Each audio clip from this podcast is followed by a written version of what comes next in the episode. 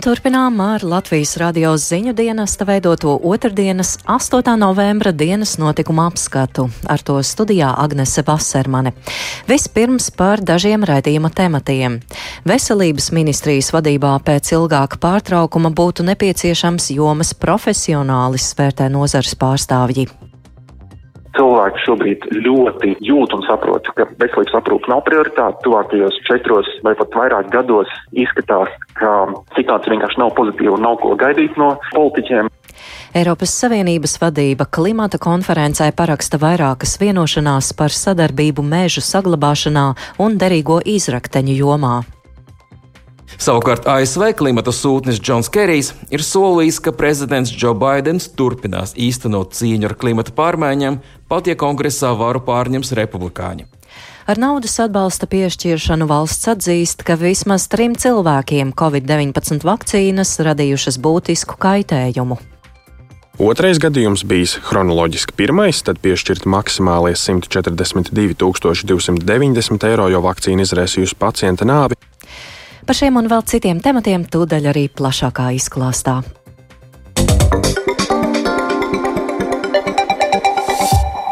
Veselības ministrijas vadībā pēc ilgāka pārtraukuma nepieciešams nozares profesionālis, kuram izdotos nodrošināt lēmumu pārmantojamību. Vienlaikus globālo aktualitāšu ēnā veselības nozari būtu grūti ierintot prioritāšu vidū, kas nākamā ministra darbu neatvieglos. Tā vērtē veselības aprūpas nozares pārstāvji. Viņus iztaujāja Jānis Kīncis. Turpmākajos gados Latvijā būtu nepieciešams izstrādāt jaunu ārstniecības likumu, jo līdzinējais daudzkārt papildināts un ir pārāk sarežģīts. Turpmākajos gados jānostiprina arī ģimenes ārsta un primārās veselības aprūpes joma. Nākamajam veselības ministram jābūt nozares profesionālim ar neilgu ieskriešanās laiku, jābūt aktīvākam saziņā ar citām ministrijām dažādu problēmu risināšanā. Tā nākamā veselības ministra darba lauku iezīmēja Latvijas ārstu biedrības valdes loceklis Pēters Apinis. Nākošais pašam ministram es pirmkārt vēlētu labu sadarbību ar daudzām citām ministrijām, uzzināt, kurā vietā atrodas labklājības ministrija, lai sakārtot darba nespējas lapu jautājumu, atrastu izglītības ministru un uh, domātu par bērnu veselību, bērnu kustībām, ka sports katru dienu katram bērnam, tas būtu tas, ko mums vajadzētu sasniegt, lai mēs vispār varētu nodrošināt obligāto dienestu. Jo pretējā gadījumā mums, nu kāds mums obligātais dienests, ja 32% puiši ir ar lieku svaru un 30% ir ar, ar mugurkaulu deformācijām. Nozarē ir pamanīts, ka veselības ministra amats nav no iekārojamākajiem, jo problēma Problēmu ir daudz un nozares pārvaldība ir grūta.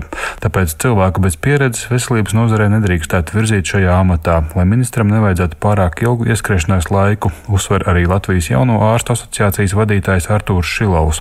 Viņa prāt nedrīkstētu krasi atmest ar roku jau līdz šim darītajam. Ir izskanējuši brīdinājumi par veselības aprūpas pakalpojumu groza mazināšanu straujas inflācijas apstākļos, kas ilgtermiņā draud ar lielu krīzi veselības aprūpas pakalpojumu jomā, brīdina Šilovs kolēģi un medicīnas eh, nozares eh, cilvēki šobrīd ļoti jūt un saprot, ka veselības aprūpe nav prioritāte tuvākajos četros vai pat vairāk gados. Izskatās, ka situācija vienkārši nav pozitīva un nav ko gaidīt no politiķiem, un diemžēl tas var pārvērsties par to, ka cilvēki jau šobrīd sāks domāt par plānu B un C, un tas ir uh, iespēja braukt prom, jo Ja gadījumā arī samazināsies pakalpojumu grozs, tas nozīmē, ka nāksies samazināt plodžu skaits, nebūs arī darba, vai arī visi iet strādāt uz privāto sektoru, kur ņemot vērā arī iedzīvotāju maksātspējas kritumu, tas vienkārši nebūs risinājums ilgtermiņā. Vienlaikus risinājums būs arī trūkstošo cilvēku resursu jautājums, piemēram, kā darba tirgū piesaistīt vairāk medmāsu. Līdztekus nozara sagaida veiksmīgākus digitalizācijas risinājumus. Pirmie soļi ir jau pieņemtie lēmumi, ka veselības jomas iestādes nevis organizēs digitālo rīku attīstību, bet noteiks ietvaru, kādā publiskās un privātās partnerības veidā piedāvāt savstarpēji savienojums risinājumus, lai nepieļautu e-veselību divi. Savs sakāmais ir arī Latvijas veselības un sociālās aprūpes darbinieku arotbiedrības vadītājam Valdim Kerim. Viņš ierasti atgādina par nozares ministra uzdevumu noturēt veselības nozarē strādājošo motivāciju.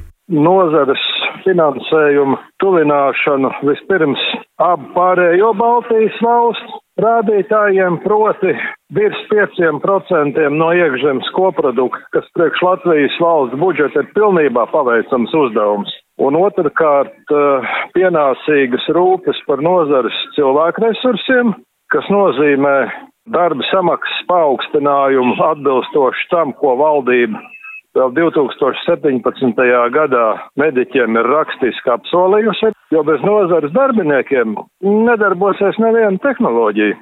Ja nebūs mediķi, tad nebūs jau kas pacientiem palīdz. Atbilstoši premjera Krišāņa Kariņa piedāvājumam, atbildība par veselības nozari būtu jāuzņems apvienotajiem sarakstam. Latvijas radio neoficiāli zināms, ka pašlaik konkrēta kandidāta uz veselības ministra amatu vēl nav. Jānis Kincis, Latvijas radio. Valdība ir lēmusi izmaksāt kompensāciju cilvēkam, kurš cietis no Covid vakcīnas izraisītām blaknēm. Kopumā līdz šim Latvijā kompensācijas lemts piešķirt trim cilvēkiem vai viņu tuviniekiem. Tikmēr eksperti atgādina, katrs blakņu gadījums tiek rūpīgi izvērtēts, un šādu gadījumu ir gaužām maz. Par to stāsta Kristaps Feldmanis. Valdība šodien sēdē lēmusi zāļu valsts aģentūrai piešķirt 5000 eiro no līdzekļiem neparedzētiem gadījumiem. Tas darīts, lai aģentūra varētu izmaksāt kompensāciju cilvēkam, kurš cietis no covid vakcīnas izraisītām blaknēm. Šajā gadījumā tās radījušas vidēji smagas veselības problēmas, vairāk stāsta zāļu valsts aģentūras direktora pienākumu izpildītāja Ilze Bude. Šodien ministru kabinets lēma jā par vidēji smagu kaitējumu, kas bija kompensācijā noteikti kā 5000 apmērā. Šajā gadījumā tā bija Janssen vakcīna. Mēs varam pateikt, ka šajā gadījumā ir konstatēta cēloņa saistība ar šo vakcīnu un ar vakcīnas zāļu aprakstā norādīto blakus parādību venozo trombemboliju, kas ir nopietni asinsvadu sistēmas traucējumi. Bude skaidro, kopumā līdz šim zāļu valsts aģentūra saņēmusi 101 iesniegumu par iespējamām covid vakcīnas izraisītām blaknēm. Pārbaudīti jau 69 iesniegumi, taču absolūtajā vairumā gadījumu bažas par potes saistību ar pacienta veselības problēmām vai nāvi nav apstiprinājušās. Par kompensāciju piešķiršanu lemts vien trīs gadījumos. Viens no tiem, visjaunākais, ir jau minētais šodien lemtais par 5000 eiro piešķiršanu. Otrais gadījums bijis chronoloģiski pirmais, tad piešķirt maksimālie 140 2290 eiro, jo vakcīna izraisījusi pacienta nāvi. Savukārt par atlikušo gadījumu turpina būde. Tur mēs pieņēmām lēmumu, kas bija saistīts ar miocardītu perikardītu, kas ir sirds infekcijas iekaisums, un tur bija 10 tūkstoši kā kaitējums smagumam atbilstošā summa. Uz to, ka smagākas vakcīnu izraisītas blaknes ir iespējamas, taču ārkārtīgi reti sastopamas, norāda arī valsts imunizācijas padomas priekšsādātāja Dācis Zavacka.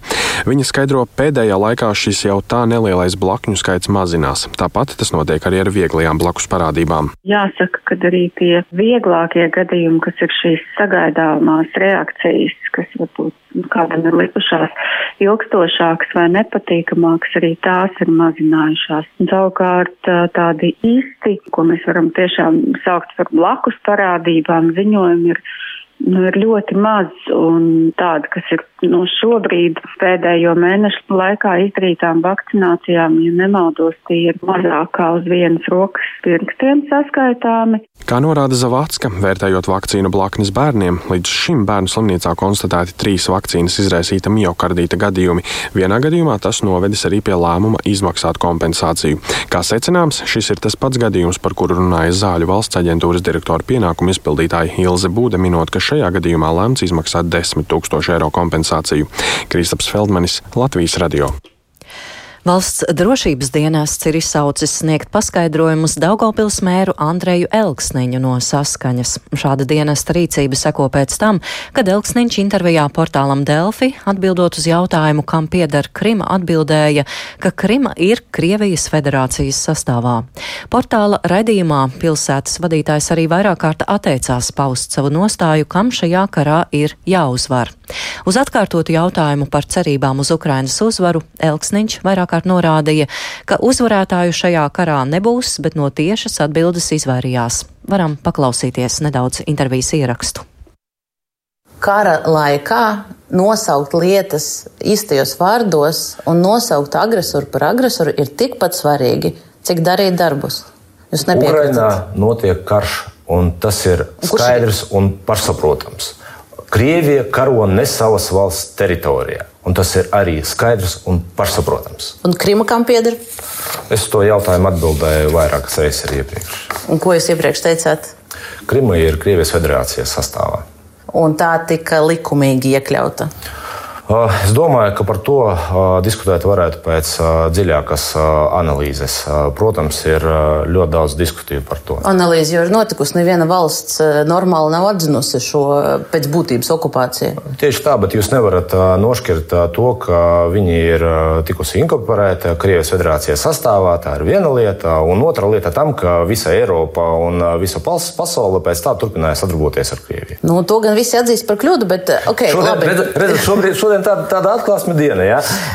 Visi bija, visi draudzējās, visi kopā ietusēja, attīstījās, apbruņojās. Bet, bet nu, ziniet, tā ir kļūda, tāpēc, ka pēkšņi to vajadzēja pirms saimnes vēlēšanām. Tā, tā tas ir. Atklāsmju diena ir nevis šodien, bet 24. Ah, februārī. Tas intervijas ieraksts no portāla Delfi, un pēc šīs intervijas preses konferencē Daugopils mērs Elksniņš vispārīgi izteicās, ka viņam esot saistošs mūsu valsts ārpolitikas kurs. Drošības dienests pašlaik no plašākiem komentāriem atturas, bet vērš uzmanību, ka neraugoties uz ilgstošu atrašanos Krievijas okupācijas spēku kontrolē, Krima joprojām ir uzskatāma par neatņemamu Ukrainas sastāvdaļu. Turklāt reaģējot uz Krievijas īstenoto Krimas okupāciju 2014. gadā Eiropas Savienība pret Krieviju noteica sankcijas. Ar aicinājumu vērtēt Elksniņa izteikumus drošības dienestā vērsusies arī pašvaldību darbu uzraugošā ministrija. Savukārt ārlietu ministrija vēstulē Daugopils mēram atgādinājusi Latvijas oficiālo nostāju šajos jautājumos. Un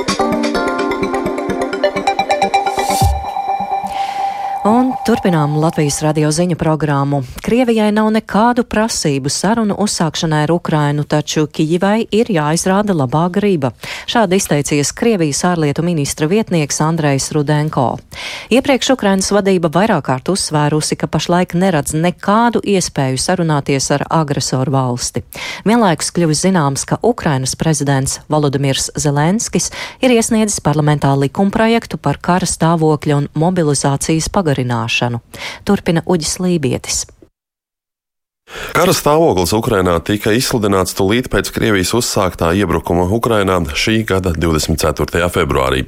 Deviņu mēnešu laikā tas ir pagarināts jau divreiz, un pašlaik tas ir spēkā līdz 21. novembrim. Sagaidāms, ka arī šoreiz gan kara stāvokli, gan mobilizāciju paredzēts pagarināt uz trījiem mēnešiem, tātad līdz nākamā gada februārim. Ukrainas augstākā rada prezidenta ierosinājums ir paredzējusi izskatīt jau tuvākajā laikā. Bet šodien par mobilizāciju un Krievijas propagandas mēdījos izskanējušajiem absurdajiem apgalvojumiem pasmējies arī Ukrainas aizsardzības ministrs Aleksijs Reizņikovs, paziņojot, ka daļējās mobilizācijas ietvaros Ukrainā paredzēts iesaukt arī 300 tūkstošus odu, un projekta nosaukums esot Moskīti pret Moskovītiem.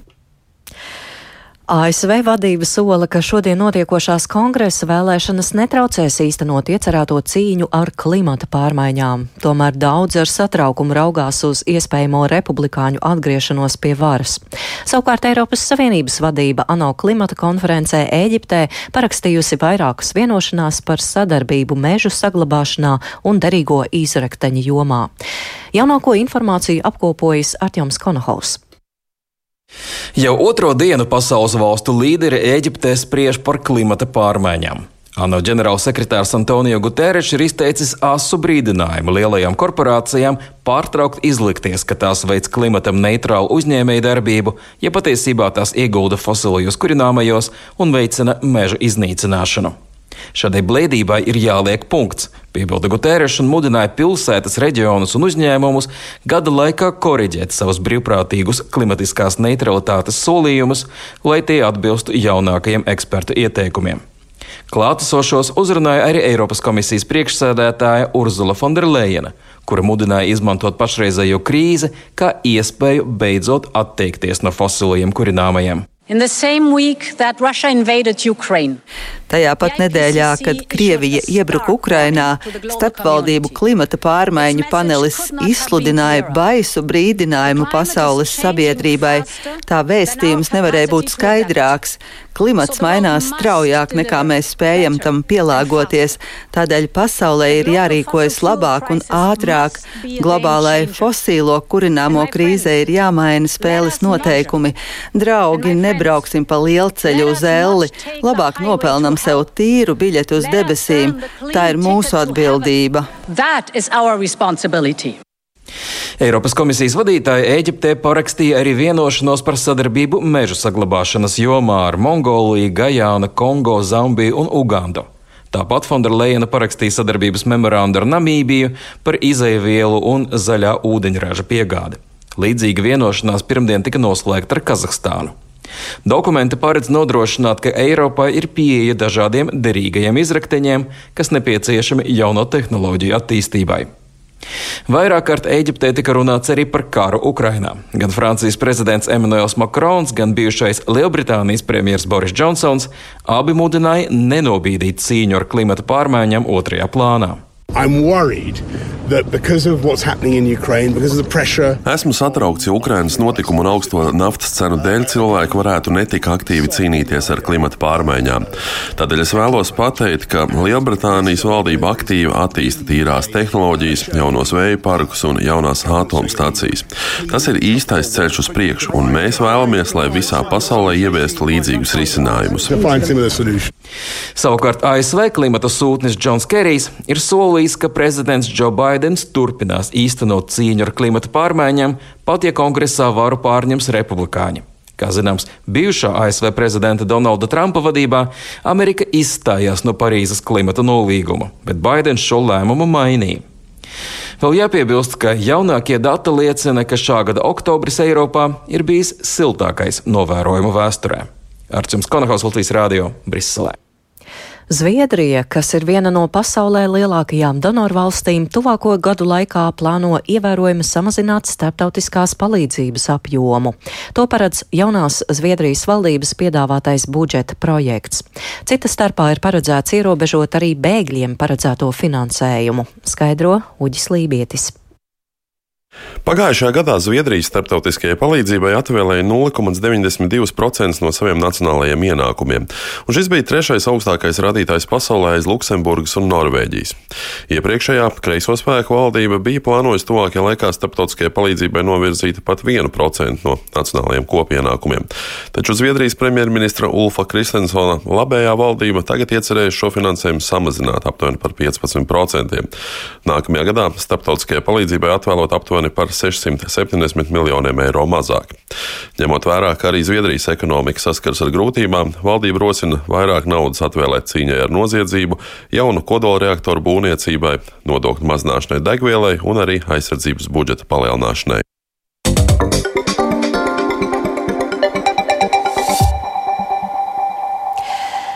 Tepat Latvijā līdz ar izmaiņām Rīgas sabiedriskā transporta cenu politikā izmaiņas gaidāmas no jaunā gada. Galvaspilsētā tuvāko gadu laikā plānots mainīt biļešu tehnoloģisko risinājumu.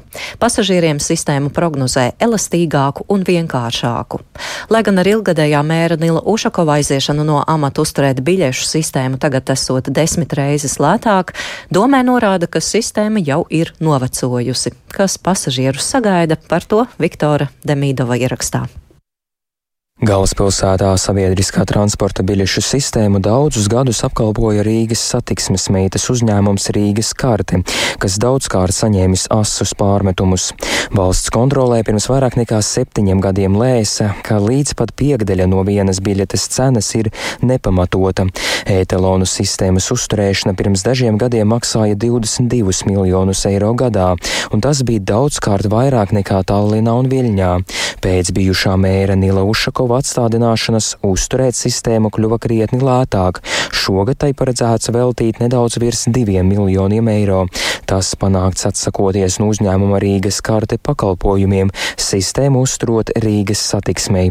Lai gan tagad tā ir sakārtota, iekārtas jau ir novecojušas, saka vicemērs Vilnis Čirsis no jaunās vienotības. Rīgas satiksme pirktu tādu pašu sistēmu, kā ir Tallinā vai Londonā. Mākonī bāzēta informācijas pieeja. Tas nozīmē, ka informācija par katru pasažieru stāv kaut kur internetā, ir pilnīgi vienalga, kādā veidā tu pie tā mākoņa piekļūsi. Tu vari piekļūt ar bankas karti, ar savu ID karti, mobilo telefonu. Ja. Šobrīd šī etalona sistēma ir tāda, ka visa informācija glabājās tajā kartē, un ja tu viņu pazaudē, tad tev jāiet taisīt eh, jaunu. Savukārt, ja ir tā mākonī bāzētā sistēma, tad tu tikai ar pāris klikšķiem uzspied un viss ir izmainījies. Paredzēts, ka jaunās sistēmas uzturēšanas cena būtiski nemainīsies, taču, lai jauno kārtību ieviestu, domai vispirms jāsagaida finanšu ministrijas akcepts biļešu iekārtas nereģistrēt kā kases aparātus.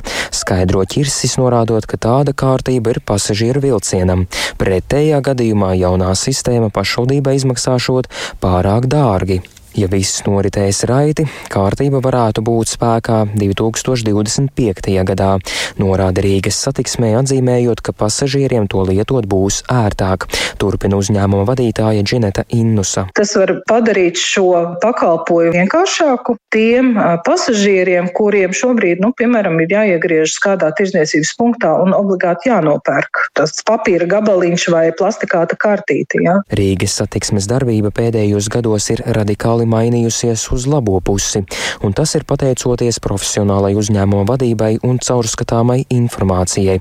Tā secina Baltijas korporatīvās pārvaldības institūta vadītājs Latvijā Andris Grafs. Rīgas satiksmē šie visi priekšnosacījumi ir ieviesti, un tagad jau mēs sākam baudīt tos augļus, kas atainojās gan uzņēmumu finansēs, kas atainojas gan uzņēmuma reputācijā, jo, piemēram, Rīgas satiksmes vadība tiek aicināta kaut vai uz, uz, uz dažādiem pasākumiem, konferencēm, diskusijām, kas pilnīgi nebūtu iedomājams pirms uh, vairākiem gadiem, ka kaut kas tāds varētu notikt. Racionāla darbība un mērķtiecīgas izmaiņas novērojamas arī citos pašvaldības uzņēmumos, secina Grafs, atzīmējot, ka tie darbojas atklāti. Turklāt lielajos uzņēmumos padomas locekļi ir neatkarīgi, un tas mazina riskus vienpersoniskiem lēmumiem. Viktors Demidovs, Latvijas radio.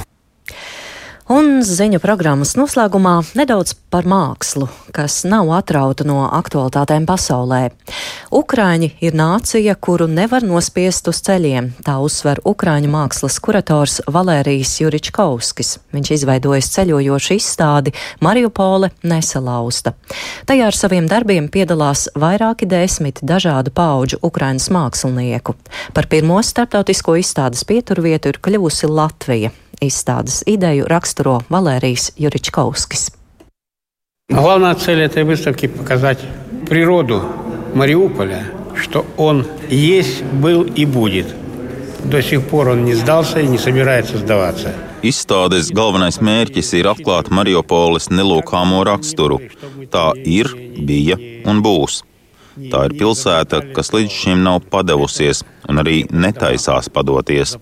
Mariupolē ir spēcīgas mākslas tradīcijas, un šī izstāde ir atbalsts Ukrainai caur mākslas fronti, jo ļoti svarīga ir cīņa visās frontes līnijās. Ar izstādi mēs gribam vēstīt, ka Mariupole ir mūsu pilsēta, ka mēs dzīvosim tā, kā mēs gribam, un ka nevienam no malas nav tiesību norādīt, kā mums ir jādzīvo.